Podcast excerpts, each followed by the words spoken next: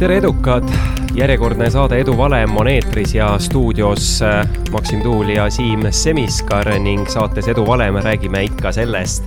kuidas äh, saada edukaks ja Siim, meil on äh, jõulupühad tulemas, et kas sul on kõik aastasäästud kinkidesse investeeritud? absoluutselt, praegu isegi võib-olla juba natuke oleme hiljaks jäänud selle asjaga. või kuidas sa ise arvad? No ma ei tea, kas päris kõiki sääste tasub nüüd kinkide alla panna, aga tõepoolest eh, loodan, et kõik on eh, jõulude ettevalmistused ära teinud ja meil on hea meel täna siin stuudios tervitada kinnisvaramogul Hammerheadi juhatuse liiget Allan Kooli, tere! tere! no küsiks alustuseks ära, et võib-olla räägiksid lühidalt oma sõnadega, et millega hetkel tegeled, et äh, kuulajatele olgu siis ära öeldud, et äh, Hammerhead on siis kinnisvaraarendusega tegelev ettevõte. just nii. Hammerheadi äh, põhitegevus on arendada ärikinnisvara. täna peamiselt tegeleme Tallinna piires, ehk siis püüame mitte Tallinnast välja minna just eelkõige seetõttu, et, et püüame ära kasutada Tallinna ärikinnisvara aktiivsust, et äh, eelmise äh, kinnisvara buumi ajal äh, olid meil projektid ka väljaspool Tallinna ja nad kriisi tulles osutusid mitte niivõrd edukaks, seetõttu seekord üritame nagu sellest, sellest see võimalikest probleemidest nagu eemale hoida kas äh, ärikinnisvara puhul äh, kehtib ka see ütlus, et äh, kõige tähtsam või õigemini kolm kõige tähtsamat asja on asukoht, asukoht ja asukoht või on ärikinnisvara puhul ikkagi natuke teisiti? no see käib üldiselt kinnisvara kohta, ma arvan, et, et asukoht on kinnisvara puhul ikkagi, ikkagi kõige olulisem, aga meil on saates ikka traditsioon, et räägime alguses meie külalise karjääri algusest, ehk siis üheksakümnendate seal keskpaigas teises pooles sai kool läbi, et kuidas äh, tulevase kinnisvaramoguli karjäär algas? üheksakümnendate teises pooles astusin äh, ülikooli, asusin õppima õigusteadust ja, ja äh, õhtusesse õppevormi sai astutud ja samaaegselt läksin tööle kinnisvarabüroosse, õigemini vabandust, notaribüroosse kõigepealt töötasin mõned aastad notaribüroos, sain äh, õigusteaduse õpingute kõrval väga hea praktika ja, ja poole õpingu pealt äh, asutasin äh, oma kinnisvarabüroo oma tolleaegse partneriga. et kinnisvarabüroo sai asutatud kahekümne, kahe tuhande esimesel aastal ja õpingud lõpetasin vastavalt siis alles kahe tuhande kolmandal aastal, et õpingute lõpetamine mõnevõrra venis eh, töö tõttu. aga kust see huvi kinnisvara vastu tuli, et kas eh, noore mehena paistis, et eh, no sealt saab kiiresti rikkaks? no tegelikult oli nii, et notaribüroos töötades väga palju kinnisvarainimesi käis sealt läbi ja väga palju kontakte ja tutvusi tekkis just, just töö kaudu aga alguses ikkagi tegeles siis büroo eluaseme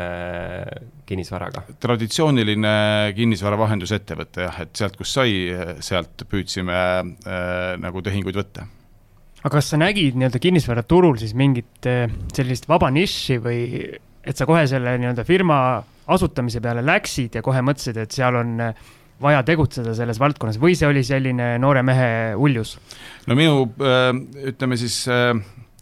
minu äh, nägemise orbiidis ei olnudki eriti muid variante, kui, äh, kui pürgida notariks või, või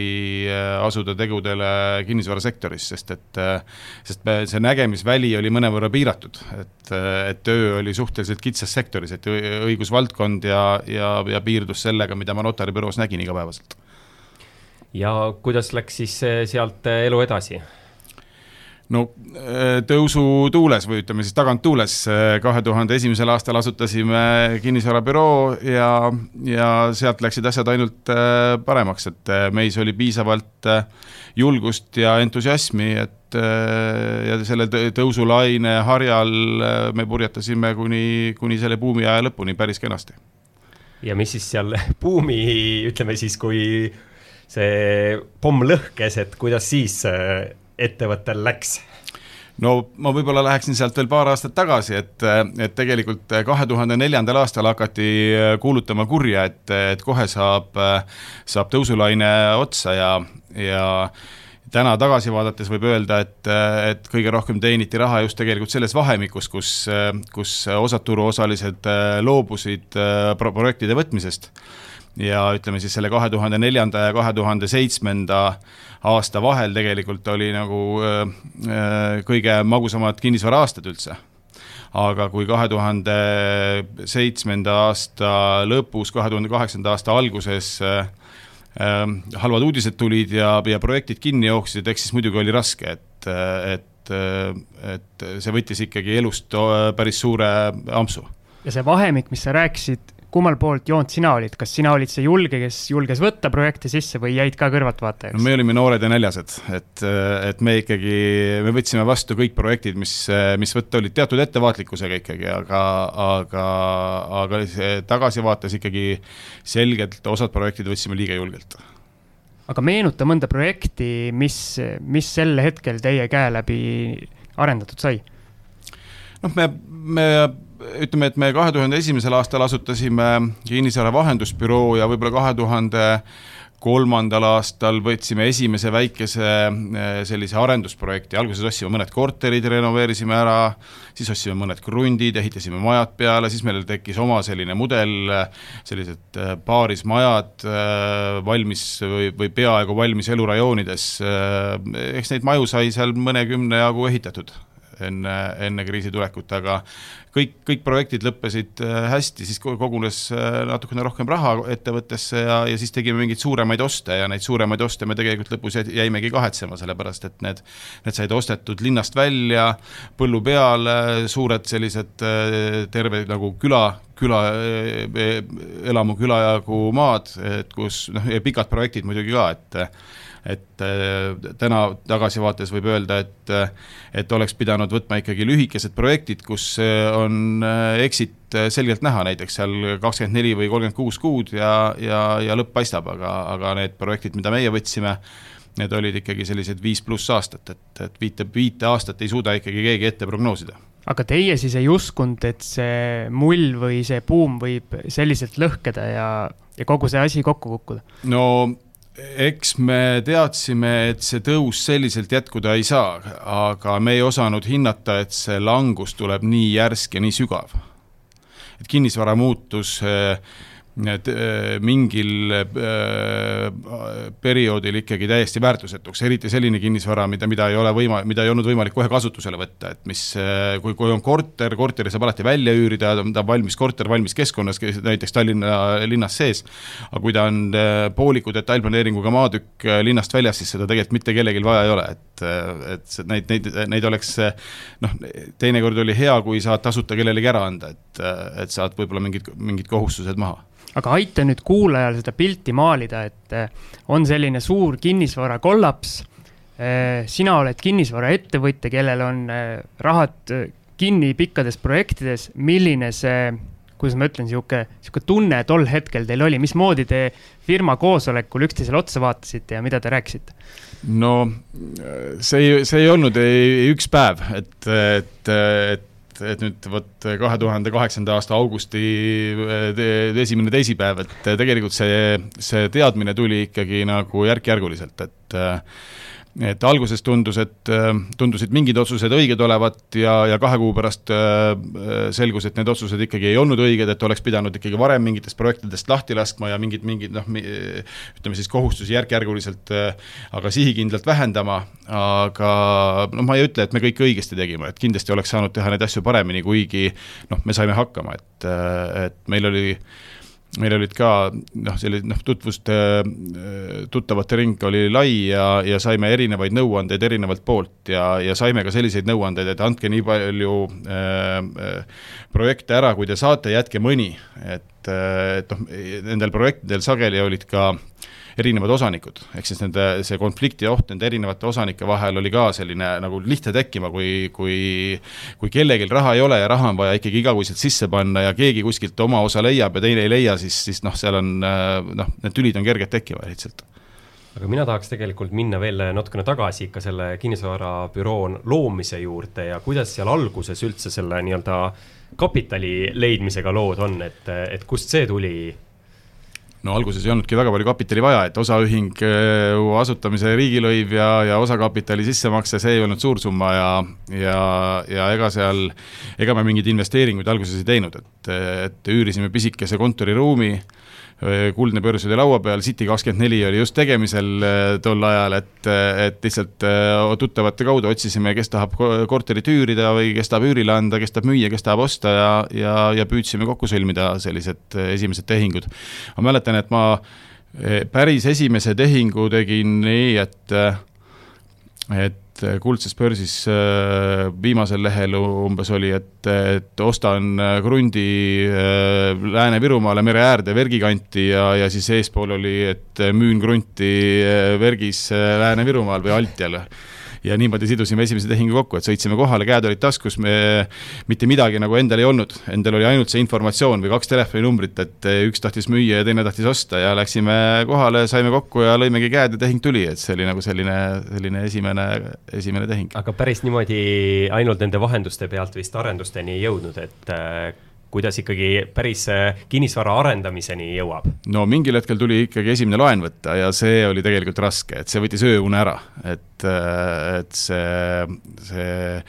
oma naha turule viimine on, äh, on, võttis aega, ma arvan, noh, niisugune harjumine võttis paar aastat aega, enne, enne kui said rahulikult magama hakata. aga kinnisvara kui sektor ongi ju tegelikult üsna suures mahus ju laenu pealt. kas see on siis pangalaen või on mingite investorite laen, on mul õigus? jah, see on tõsi, et, et need, kes äh, puhtalt oma rahaga teevad, äh, noh, äh, ma arvan, et mõned ütlevad, et nad on rumalad, et, et seda võimendust tasub seal alati kasutada. aga kuidas sa siis magada saad, kui kogu tegevus käib justkui nagu võõra rahaga? no eks see üks asi on, et, et sellega on võimalik harjuda, et et äh, täna enam ei ole äh, tunne selline, nagu kahe tuhande neljandal aastal oli, kui esimese laenu võtsime, on ju, et äh, et teisalt see vastutus ikkagi hajub, et kui meeskond muutub professionaalsemaks, siis kui on olemas finantsjuht ja kui on olemas müügijuht ja arendusjuht ja siis selle all on nagu professionaalne meeskond, siis, siis see tõenäosus või eksimise tõenäosus muutub iga, iga, iga iga, iga päevaga väiksemaks, kui, kui, kui see meeskond kasvab, kui ettevõte on arengufaasis näiteks, siis, äh, siis no meil on ka olnud selline periood, kus me oleme teinud partneriga koos kõik asjad ise ettevõttes ära. ja sa ei jõua kõiki asju ise hallata ja kui sa pead veel, tahad veel mahtu kasvatada ka, siis, äh, siis äh, noh, ta sööb lõpuks, ta võtab ööune ära ja ta sööb hinge lõpuks ära, et, et ühest küljest ei tahaks seda üldkulu ettevõttel suureks kasvatada, et, et võtad väga palju inimesi, aga teisest küljest sa ei jõua niikuinii seda kõike ise läbi, läbi peas kas või närida. Ma korra küsin sellise küsimuse, hüppan nagu tänapäeva, et kui sina kogenud mehena, kes sa oled kogu selle tee sisuliselt nullist läbi käinud, kas praegu on õige hetk, mingid sõbrad saavad kokku, ütlevad, et me teeme nüüd kinnisvarafirma, hakkame samamoodi, lähme kaks kätt taskus Vergi kanti, teeme esimese tehingu ära ja sealt hakkab kõik kasvama ma arvan, et see on vähem äh, seotud tänase päeva või ajalooga, ma arvan, see on rohkem seotud nende meestega, kes, kes tahavad äh, oma ettevõtet luua, et, äh, et Eestis või maailmas on alati ruumi uutele ettevõtetele. et sõltub ellusuhtumisest ja sõltub entusiasmist ja, ja motivatsioonist. aga ma küsiks hoopis sellise nurga alt, et kui nüüd sellest äh ühest äh, krahhist on nagu läbi käidud, et äh, mida nagu sa õppisid sellest või mida sa oskaksid soovitada või teeksid teisiti, et jah, üks asi sa ütlesid võib-olla, et realiseeriksid siis äh, teatud objekte võib-olla varem või nii-öelda annaksid käest ära, aga, aga, aga mis, mis oleks veel, et mille järgi ühelt poolt siis sõnastame nii, et mille järgi ära tunda, et see krahh on ikkagi nüüd päris käes või kohe, kohe-kohe käes ja teistpidi, et mida siis teha sel hetkel no selle kohta öeldakse vist nii, et, et et valmistuda saab nagu eelmiseks krahhiks, et see kogemuste baasil, aga järgmine krahh on alati teistsugune, kui oli eelmine krahh, et et kui ma vaatan nagu meid kahe tuhande viiendal, kuuendal, seitsmendal aastal, siis me olime sellised hulljulged, noored ja näljased, et, et need mehed, kes täna meiesugustena kahe tuhande, nagu meie olime kahe tuhande kuuendal, seitsmendal aastal,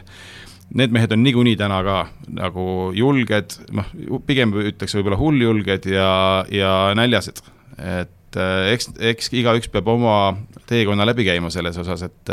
et et alati aitab selline suures ettevõttes töötamise kogemus, kus on juba osakonnad loodud, kus on olemas omad statistid, kus on olemas oma, omad kogemused, et, et me, mul on nagu meil on tuttavaid äh, ehitusettevõtjaid ja kinnisvaraarendajaid, kes,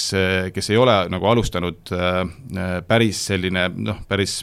päris nullist ise, vaid, vaid on töötanud äh, mõned aastad, noh, ma arvan, et kaks aastat on selline sobiv aeg, kus, kus saadakse spetsialistiks omas valdkonnas, kui minnakse kuhugi ettevõttesse tööle, et et kui oled ka oma kaks aastat seal ära töötanud, siis sul on piisavalt palju kogemust ja informatsiooni, et teha nagu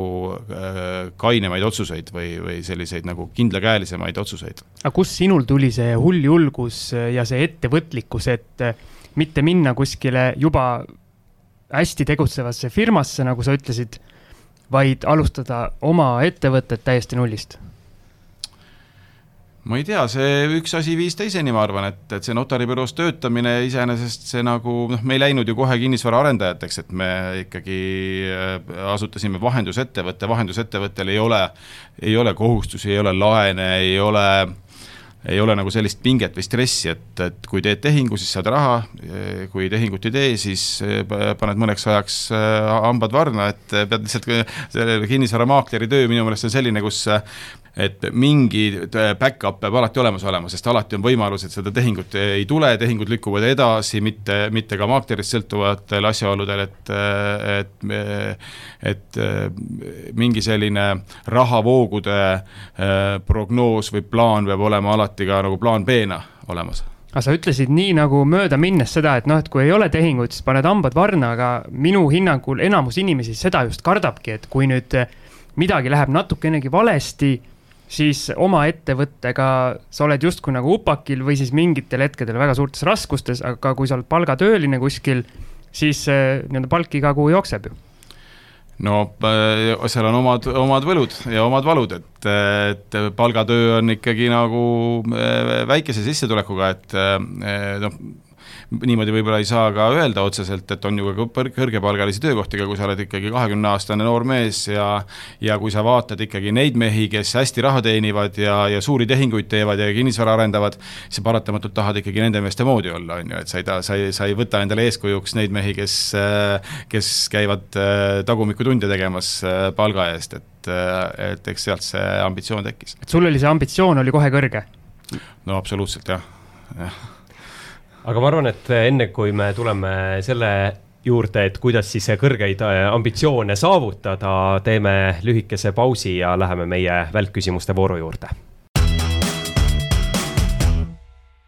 ja käes on meie välkküsimuste voor ning Manta Maja stuudios endiselt äh, Allan Kooli ja meil on siis ette valmistatud tosin küsimust. Vastata tuleb kiiresti, esimene variant, mis äh, pähe tuleb, ongi vastuseks Läheb lahti. must või valge? valge. iPhone või Android? alati iPhone. konservatiivsus või progressiivsus? progressiivsus. jõulud või jaanipäev? jõulud. Kihnu Virve või ta- eh,, Tiina Turner Kihnu Virve. Sahara kõrb või Antarktika? Antarktika. Saaremaa või Hiiumaa? Hiiumaa. Sulev Nõmmik või Jan Uuspõld? Jan Uuspõld. ööklubi või raamatukogu? See on keeruline äh,. alati on olnud ööklubi, nüüd võib-olla on raamatukogu. buss või rong? rong. indiaanlased või kauboid? indiaanlased. Madrid või Barcelona? Barcelona. no mis ajast siis iPhone'i mees? ikka esimesest esimesest iPhone'ist ja ära, ära vist ei vahetaks, et olen isegi vaadanud, et need, kes vist ühe operatsioonisüsteemi peal on, need jäävad sellele kindlaks. nii öeldakse, et tegelikult äh, noh, isiklik kogemus on selline, et, äh, et alguses, äh, kui ollakse Windowsi arvuti peal, tehakse tööd, et siis kuidagi ei kiputa minema sinna Maci peale, arvatakse, et see Mac on nagu, nagu ülehinnatud aga kui kord on juba Mac põlvede peale pandud, siis Windowsi arvutit enam mitte kunagi põlvede peale ei panda, et see on kuidagi pöördumatu protsess, minu meelest on see telefoniga samamoodi, kuigi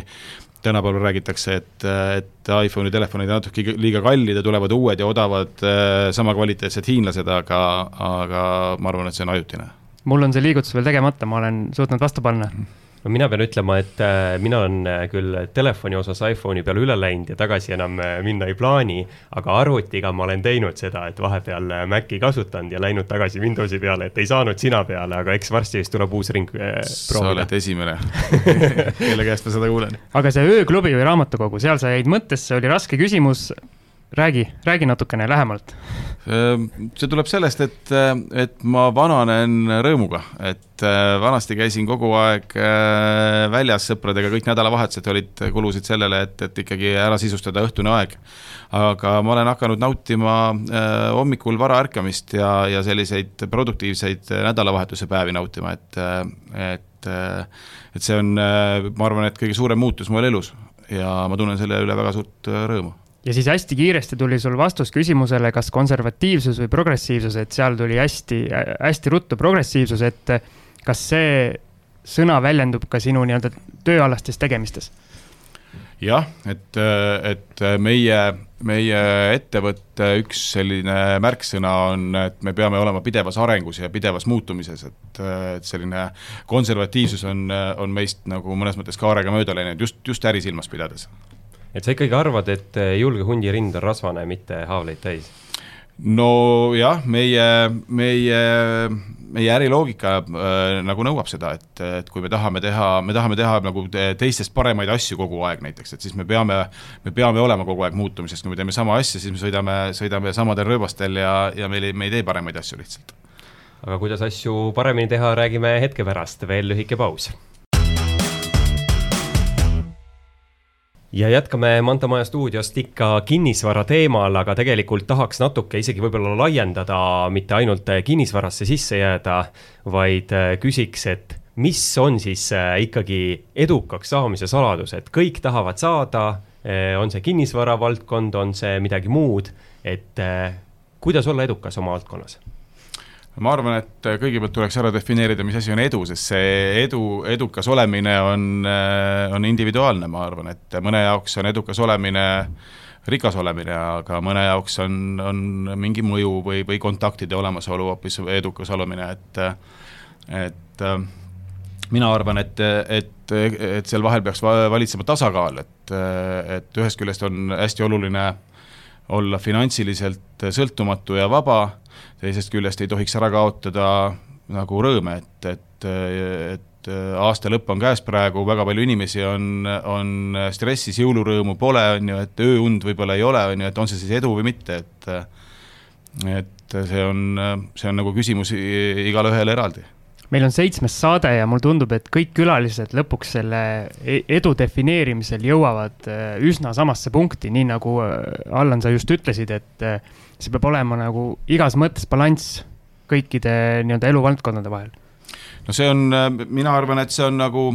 eduelamuse tundmine, et eh, eduelamus tuleb sellest, kui sa saad oma eesmärkidega hakkama, kui su eesmärgid on seatud eh, piisavalt kõrgele, et nad pakuvad sulle pinget ja, ja, ja samas need eesmärgid peavad olema saavutatavad, et kui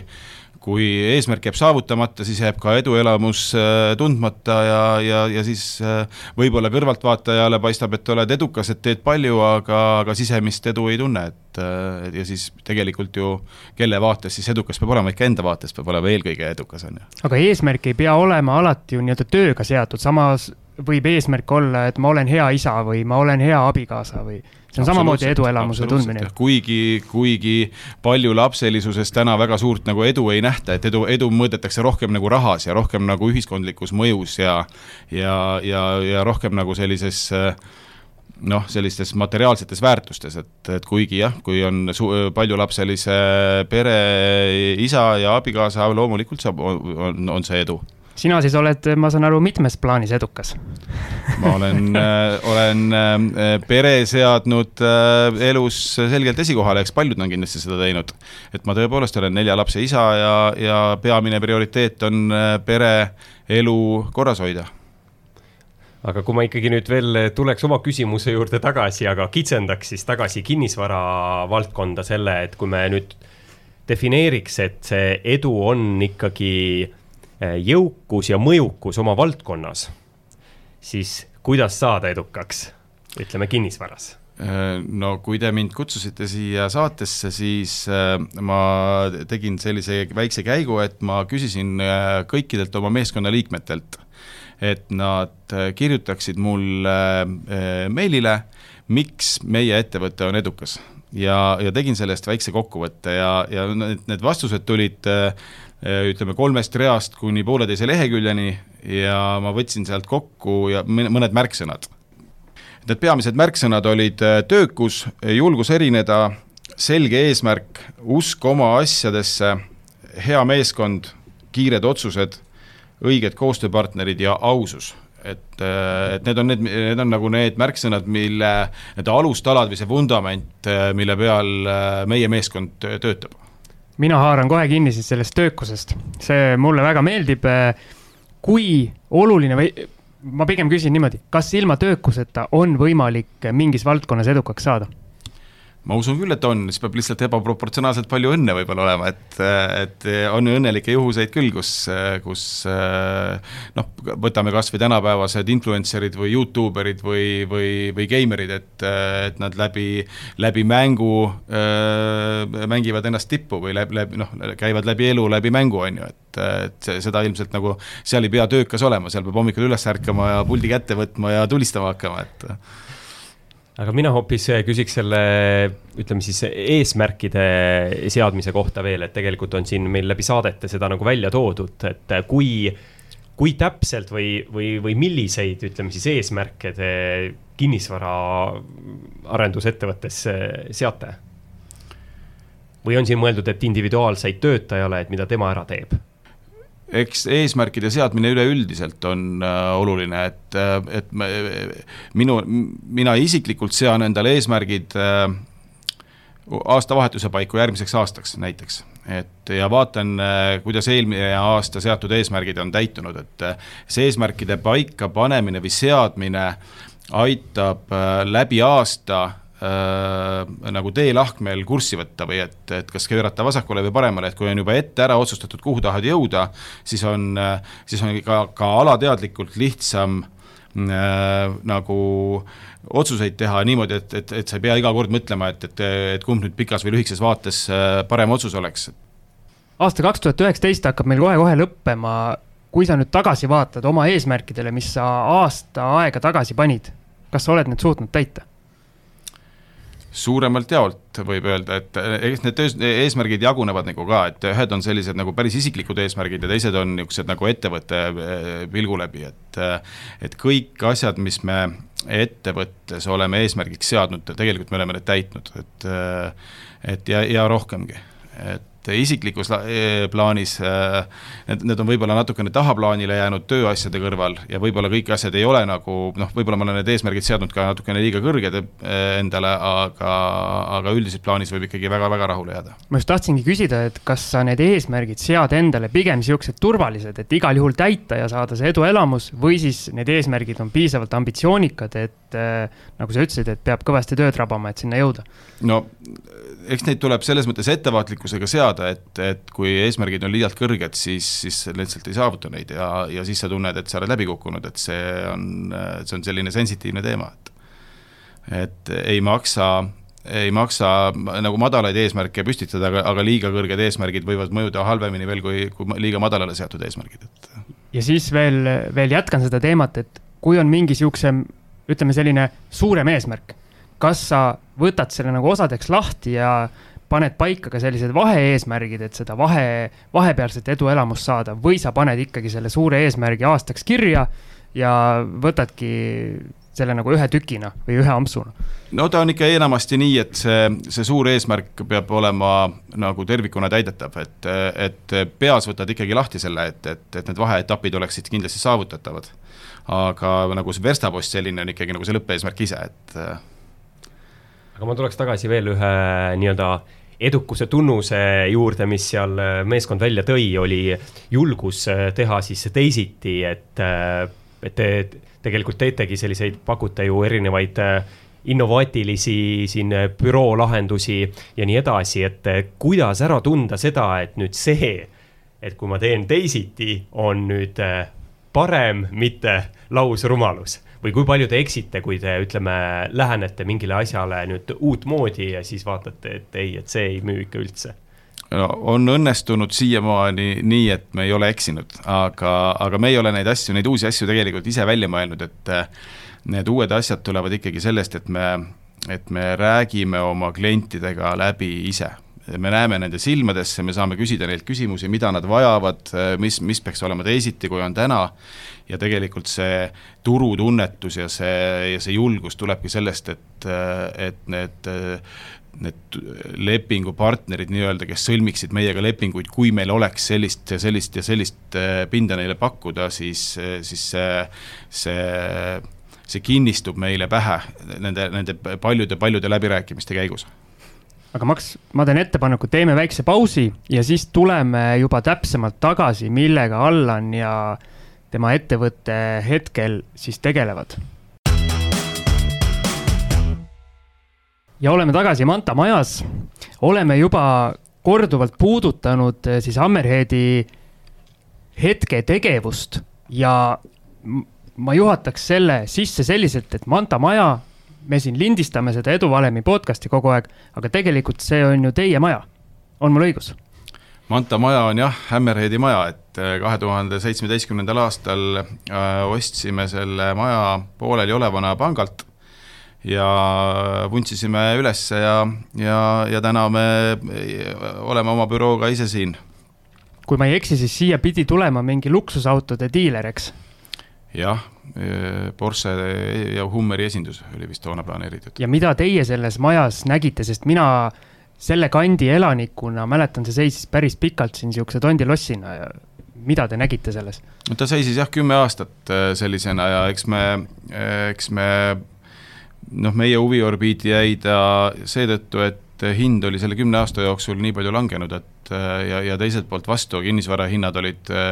üürihinnad olid nii palju tõusnud, et, et ta lihtsalt näitas kuigivõrd kasumit äriplaani Excelis aga ega ta sellisena ei realiseerunud, nagu meil ta esialgselt plaanis oli, et, et meie äriplaan oli tunduvalt lihtsam kui see, mis me lõpus läbi pidime tegema, aga, aga lõpp hea kõik hea. ja kas, ma saan aru, Ämmerhead ongi nüüd ärikinnisvaras, räägi lahti, mida te täpsemalt teete, mis teie nii-öelda kitsam valdkond on? no see kontorihoone tegelikult ei olegi meie põhivaldkond või kontoripindade tegemine, et meie, meie äh, põhivaldkond on äh, niinimetatud kolm ühes äh, äripindade arendamine, et ehk siis, et et me oleme suunatud väikesele ettevõttele, ütleme siis kolm kuni viisteist inimest personaliga ja, ja selline, kus ettevõte vajab nagu kolme pinda koos, ehk siis et tal on kontorit vaja, tal on kauplust vaja ja tal on või, ladu või teeninduspinda. ehk et äh, enamus selliseid väikseid ettevõtteid töötavad pindadel, mis on rajatud äh, nõukogude ajal ja, ja need ei ole nagu tänapäevase, tänapäevase no tänapäevaseks äritegevuseks üldse nagu kohaldatud need hooned, et, et täna meie klient on, on ettevõte, kes toob oma üksused kokku. et sageli on kauplus ühes kohas, kontor teises kohas, ladu kolmandas kohas, selle, nende kolme üksuse vahel on vaja korraldada transport, saatelehed, seal on sidet vaja pidada, seal, et see on nagu kulukas ja keeruline, et targem on tuua kõik ettevõtted ühte kohta kokku, maksta natuke kõrgemat üüri võib-olla, vähem, vähem inimesi on hõivatud sealjuures sellesama ettevõtlusega. ja, ja selle tööjõukulude pealt on siis nagu võimalik hästi kulusid kokku hoida, et. palju teil objekte üle Tallinna üldse praegu on? Noh, töös on täna Tallinnas äh, circa kümme maja. kas te jääte neid maju opereerima ka või, või te arendate valmis ja siis müüte edasi? peamiselt oleme seni väljunud äh, siis, kui hoone on valmis ja kui ta on äh, terves ulatuses välja üüritud et siit edasi üha rohkem hakkame, ma arvan, maju ise haldama jääma aga on seal mingi põhimõtteline vahe ka, et kui sa ehitad nagu endale haldamiseks või siis müügiks, on seal mingi erinevus? arendusfaasis ei ole mingit vahet, lihtsalt kui tekib vaba kapitali, siis seda kapitali on mõistlik investeerida kuhugi, et, et see valdkond, mida me ise kõige paremini valdame, tundub kõige mõistlikum, kuhu see raha nagu paigutada aga ma siin äh, saateks ette valmistudes äh, leidsin, et tegelikult äh, sa ei ole seotud ainult kinnisvaraga, vaid leidsin, et oled osaline ka siin restoranides ja ajalehtedes ja kui, kui aktiivne selles tegevuses? No restoranid on tekkinud ikkagi eelkõige sellepärast, et me oleme ise arendanud mingid uued majad, ise ehitanud ja, ja et, et need majad, et need nagu need külad või linnakud hästi käima läheksid, siis toitlustus on, on otsustava tähtsusega seal, et kui ikkagi on kolmekümnele, neljakümnele ettevõttele pinnad valmimas mingis kohas, kus ei ole varem äri tehtud sisuliselt põõsastesse ehitame uued hooned, et siis, siis ükski restoranipidaja tegelikult sinna oma restorani rajada kohe ei taha, esimese hooga ta tahab näha, et see piirkond läheb käima ja, ja aga meil on vaja kohe nagu see asi käima saada, et siis me oleme, oleme ise koostanud sellise meeskonna, kes, kelle toel või kelle, kelle abil nagu me oleme ise need toitlustuskohad teinud. aga kui erinev see selline restoraniäri sellest kinnisvaraärist on, et seal vist need, niisugune konkurents on nagu veel tihedam noh, seal on ka suid rohkem, kes, kes süüa tahavad, et kellele, kellele seda restorani eh, nagu pidada, et eh, tegelikult vist võib öelda küll, et, et restoraniäri on oluliselt keerulisem kui kinnisvaraäri, kinnisvaraäri on nagu need sammud on hästi nagu ette prognoositavamad, restoraniäris on nagu igapäevaselt hästi palju väikseid probleeme, millele peab koheselt reageerima, et kõigile niikuinii meeldida ei saa kliendid on erinevad, äh, maitse-eelistused on erinevad, et personalil, personaliga on, on tõenäoliselt niisuguseid, niisuguseid päevasiseseid nagu mitte isegi ma ei ütleks probleeme, aga asju, mis vajavad tähelepanu. et ta on selline noh elustiili äri on ta tegelikult, et, et seda peaks ise fännama ja seal peab meeldima kohal olla ja, ja, ja siis ta on nagu hea äri, aga kui aga kinnisvaraäri kõrvalt restorani pidada on tegelikult väga keeruline. aga kuidas seal kinnisvaraäris praegu äh, meil Eestis ja siis kitsamalt Tallinnas, kuidas see konkurents on? no konkurents on, on tihe, konkurents on hea teisest küljest ka, et, et asjad oleksid pidevas arengus, et, et et eh, kui, kui asja ikkagi kehvasti teha, siis konkurendid eh, sõidavad eh, üle, et konkure-, konkurents hoiab, hoiab elus ja hoiab asjad nagu, hoiab jalad maa peal ja asjad õiget pidi. aga kuidas konkurendid omavahel läbi saavad, oletame, on mingi objekt kuskil müügis, satute konkurendiga samal ajal seda ostma, kas siis on nii-öelda rusikas vaikselt taskus või ikka nii-öelda suhtlete, lähete pärast lõunale? Mina ei tea ausalt öeldes ta, Tallinna kinnisvaraturul kedagi, kes oleks nagu konkurentsist tingituna äh, kuidagi käsi rusikas taskus, et, äh, et tegelikult äh, on konverentsid, on, on erinevad kinnisvaraüritused, kus tegelikult kõik need konkurendid löövad klaase kokku ja räägivad juttu ja teevad nalja, et et ei ole sellist vihast konkurentsi Eestis minu teada küll ei ole. Ma tahtsin veel küsida, et selliseid ikkagi ettevõtlikke inimesi, firmasid, kes tahaksid siin uusi siis äh, büroopindu, et neid ikka jätkub, et, äh, et Tallinn laieneb äh, pidevalt? büroopindasid ehitatakse, ma ei mäleta, kas nüüd eelmisel aastal või käesoleval aastal, lõppeval aastal äkki ka sada, sada kakskümmend tuhat ruutmeetrit juurde, eks, eks siin on nii, et et uued pinnad tulevad peale, uued pinnad on alati eelistatud, nad on kõrgema hinnaga, aga nad on ka esinduslikud, ehk siis et need, need pigem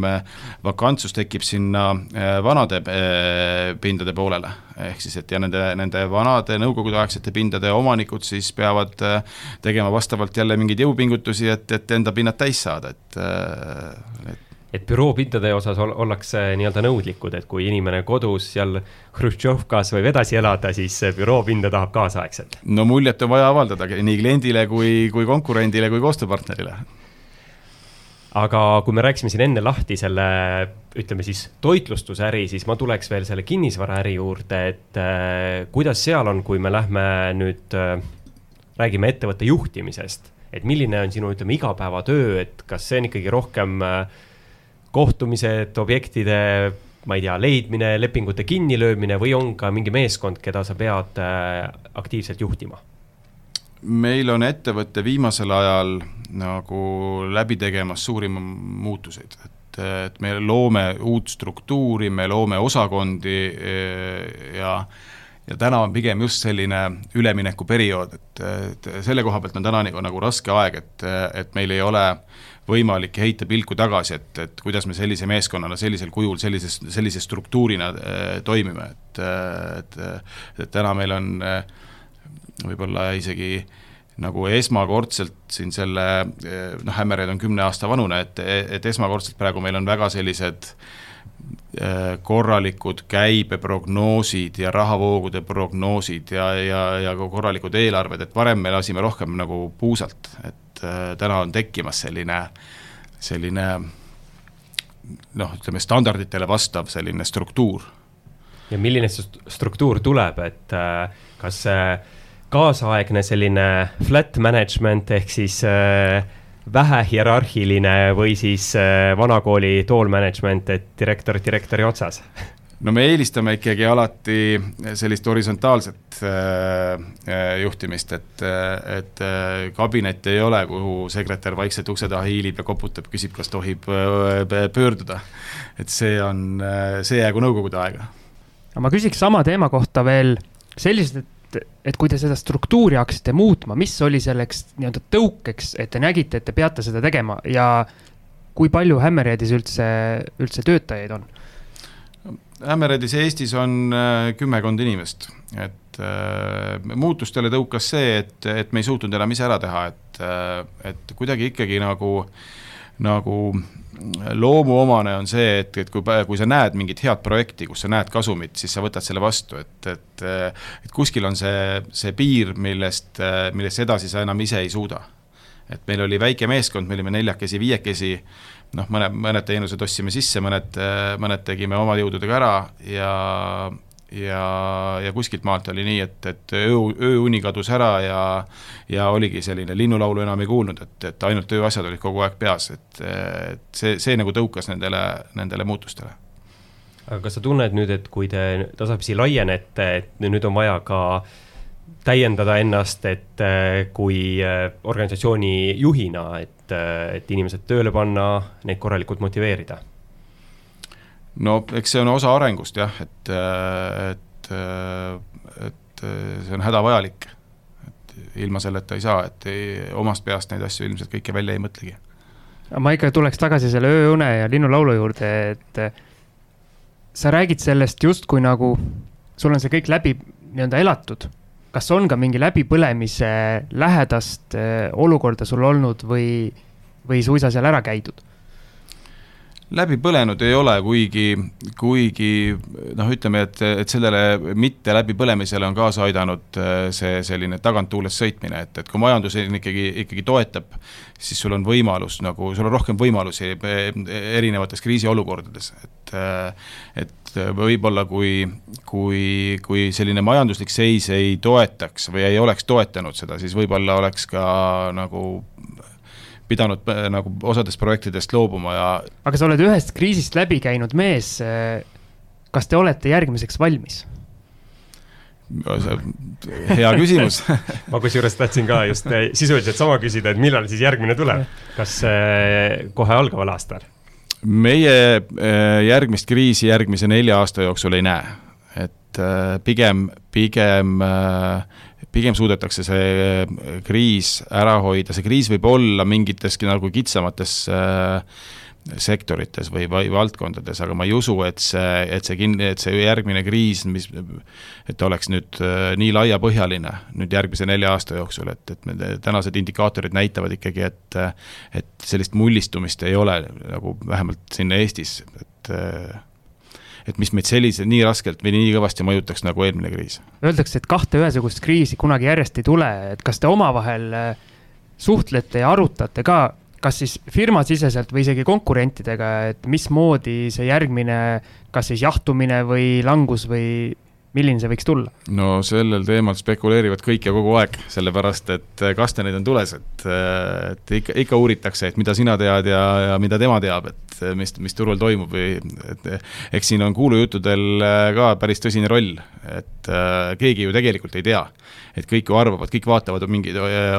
kõik on omas mingis inforuumis, omas infomullis ja, ja, ja igalühel on omad mingid indikaatorid, on ju, et, et kõik kuulevad kellegi käest midagi, kes klientide käest, kes koostööpartnerite, kes konkurentide käest, et et arutatakse muidugi ja, ja püütakse valmistuda, no eks see, eks see järgmiseks kriisiks valmistumine äh, noh, kõige loogilisem on ikkagi see, et on mingisugune reserv, et eh, seda reservi meil eelmise kriisi tulles ei olnud, et meil olid, eh, meil oli all in kogu aeg, kõikides projektides oli, oli kõik mängus, et täna tasub ikkagi tasub ikkagi valmis olla läbi, läbi likviidsuse, läbi, läbi kapitali. aga sa ütlesid, et eelmise kriisi ajal olid mingi kolm aastat, kus oli see kõige parem raha teenimise hetk, kus osad tõmbasid nagu tagasi. Kas praegusel turul on samamoodi näha, et mingid arendajad on nagu tagasi tõmmanud ennast? No mingid kõverad keerasid eelmine, eelmisel äh, buumi ajal niimoodi üles, et, et, et kui sa äh, panid sinna otsa veel noh, mingid sellised loogilised perioodid, aasta, kaks või kolm, siis sa said aru, et see, et see, et see niimoodi jätkuda ei saa, et, et kas see, kas see jahtumine tuleb järsk ja, ja, ja, ja sügav või, või tuleb ta, keerab ta lihtsalt selliseks passiivseks, ma mõtlen kinnisvaraturgu. et äh, täna, täna, täna ma ei näe sellist, täna ma, ma kuulen küll, et, et, et räägitakse, et ei maksa võtta projekti, ärge võtke või et meie ei võta, aga, aga enamus turu, turuosalisi täna, kellega meie kokku puutume, näevad ikkagi võib-olla sellist rahulikku võib-olla sellist nagu jahtumist natukene või sellist nagu aktiivsuse vähenemist või, või hindade sellisest, sellist noh, ütleme hindade tõusu aeglustumist natukene võib-olla, aga mitte, mitte sellist äh, nagu sügavat kriisi minule tundub see kinnisvaraarendaja töö selline, nagu oli lasteaias mängitakse seda mängu, kus pannakse toolid keset seda platsi, pannakse muusika mängima ja, ja alati on üks tool vähem, kui on neid mängijaid. ja siis keegi jääb istekohata. Mulle tundub, see arendaja on täpselt see, et kas ma jõuan nüüd selle objekti valmis ja ära müüa või siis see muusika pannakse kinni ja mina jään see objekt kätte, ehk siis olen see, kellel ei ole istekohta. see ongi täpselt nii, tegelikult see on isegi, see on otseses äh, vastavuses, et, et äh, kui, kui kinnisvaraarendajal on äh, üks, üks projekt pooleli, siis äh, kõige halvem, mis saab juhtuda, on see, et, et kaotatakse finantseerimisallikas ja hoone on äh,, ei ole valmis ehitatud, ehk siis, et ei ole võimalik teda kasutusele võtta. kui hoone on põhimõtteliselt valmis, noh, ütleme lõpujärgus ja on ära finantseeritud ehitus, siis seda hoonet saab noh, ta saab, selle hoone saab ikkagi nagu raha teenima panna, kas siis poole hinnaga või, või, või kolmandiku hinnaga või täishinnaga, et, et aga see, kui hoone pooleli jääb, siis, siis see hoone rikneb, siis, siis ei ole võimalik seda lõpuni valmis ehitada, teda ei ole võimalik kasutusele võtta, teda ei ole võimalik kellelegi müüa, kellelegi ei ole vaja seda hoonet ja, ja see ongi see, et, et siis, siis ei olegi tooli sulle, kui, kui finantseering katkeb. Kas see tähendab siis seda, et kogu aeg peaks objektid olema siis nagu erineva, erinevas kauguses, et kogu aeg midagi saab valmis ja kogu aeg midagi algab ja kogu aeg on midagi nagu keskpaigas, et, et ei saa teha niimoodi, et ma võtan korraga näiteks kümme projekti, teen nii-öelda paralleelselt kõike? no selle jaoks jagatakse äh, sageli äh, suuremad ehitusprojektid etappidesse, et, et, et kui on ehitusõigus on piltlikult äh, kümme tuhat ruutmeetrit, et siis ära ehita kõiki kümme tuhat, kümmet tuhandet ruutmeetrit korraga, et ehita selles järgus, nagu sa usud, et sa suudad seda realiseerida, et nii see käib aga ma tuleks lõpuküsimuse või küsimuste juurde ja kõikide meie külaliste käest oleme küsinud, et. ma ennem tahaks ühte asja veel küsida, kui sa need päris viimased küsimused küsid. no küsi. me rääkisime hästi palju kinnisvarast. mina tahaks teada, et kas sinu nii-öelda ettevõte ongi sinu nii-öelda investeering või sa investeerid ka näiteks väärtpaberitesse või siis näiteks elukondlikku kinnisvarasse eraisikuna või kuidagi, või on ainult see ettevõte? no nipet-näpet, olen, äh, olen investeerinud äh, äh, väärtpaberitesse, olen saanud võitu, olen saanud ka vastu näppe, eelistan täna igas olukorras kinnisvara. olen teinud isiklikult mingeid investeeringuid, põhi, põhiline ikkagi on ettevõttes sees. aga sina nii-öelda investorina, kas sa siis pead kinni sellest teesist, et investeeri sinna, mida sa tunned, ehk siis sina oled jäänud nagu peamiselt kinnisvara juurde. see ongi põhiline, jah. et see on see nii-öelda näpunäide, mida kuulajatele anda, et äh, ära mine nii-öelda torkima asju, mida sa ei tea no ma ei oska öelda, on see nüüd õige või vale, ma olen lihtsalt valinud selle tee, sest et, et sest see on minu kontrolli all, et ma, ma suudan ise teha seal äh, nagu otsuseid ja, ja suudan ise muuta seda olukorda, et äh, et võiks ju väärismetallidesse investeerida või noh, neid, neid, neid selliseid loogikaid on ju erinevaid, et, et juudid ütlevad, et hoia teatud kindel protsent kullas, on ju, et, et kui on vaja, siis saad selle kullakamakaga alati jooksu panna, on ju, et kinnisvaraga ei saa, on ju, igas, igas olukorras, et et äh, ma, ma olen lihtsalt jah, see on nagu lihtne otsus olnud teha, et, et kuna ise kinnisvaraga tegelen, siis, siis, siis väiksed säästud peamiselt kinnisvaras on jah, ja nüüd ma annan siis Maxile sõna lõpuküsimusteks ja lõpuküsimus oleks äh, loomulikult äh, saate nimest tulenevalt, äh, mis on edu valem, et me tegelikult saate jooksul siin nüüd ju rääkisime juba lahti erinevad võimalikud tunnused, jooned ja nii edasi. aga kui sa nüüd veel saate lõpuks võtaksid kokku siin paari punktina, et mida on vaja inimesel, et olla edukas, mis suunised sa annad inimestele kaasa siis uude aastasse, et milliseks nad peavad kujunema või mida tegema, et saada edukaks? Noh, see on hea küsimus jah, et äh, ma, ma siiralt tegelikult arvan, et, et edu seisneb ikkagi väga selgelt äh,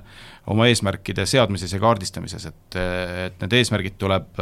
õiged seada vastavalt oma võimetele ja, ja neid eesmärke tuleb püüda äh, Eh, sihipäraselt eh, täita, et, et eh, edu ei ole minu meelest kunagi kellegi nagu isiklik edu, inimesed võivad pidada edu isiklikuks, aga tegelikult on kõik ikkagi, sõltub meeskonnast, koostööpartneritest, ümbritsevast perekonnast, õnnest kindlasti ka suures osas on ju, et et tuleb tuleb äh, investeerida oma lähedastesse ja, ja, ja ümbritsevasse ja, ja mitte siis ainult äh, materiaalselt investeerida, vaid ka suhetesse panna, positiivselt nagu panustada, et, äh, et ma arvan, et see on, see on see, mis tegelikult selle õnnetunde lõpuks toob ja eduelamuse annab. jõuluajal täiesti kuldsed sõnad minu meelest. jah, ja aitäh, Allan, stuudiosse tulemast ja edust rääkimast! aitäh kutsumast! ja kuulajatele siis soovime veel kord äh, ilusaid pühi ja kindlasti kuulake meid taas äh, juba uuel aastal, äh, kahe nädala pärast uus saade ja etteruttavalt võib öelda, et väga edukas mees on meile stuudiosse tulemas, võiks öelda, et maailma parim. olge mõnusad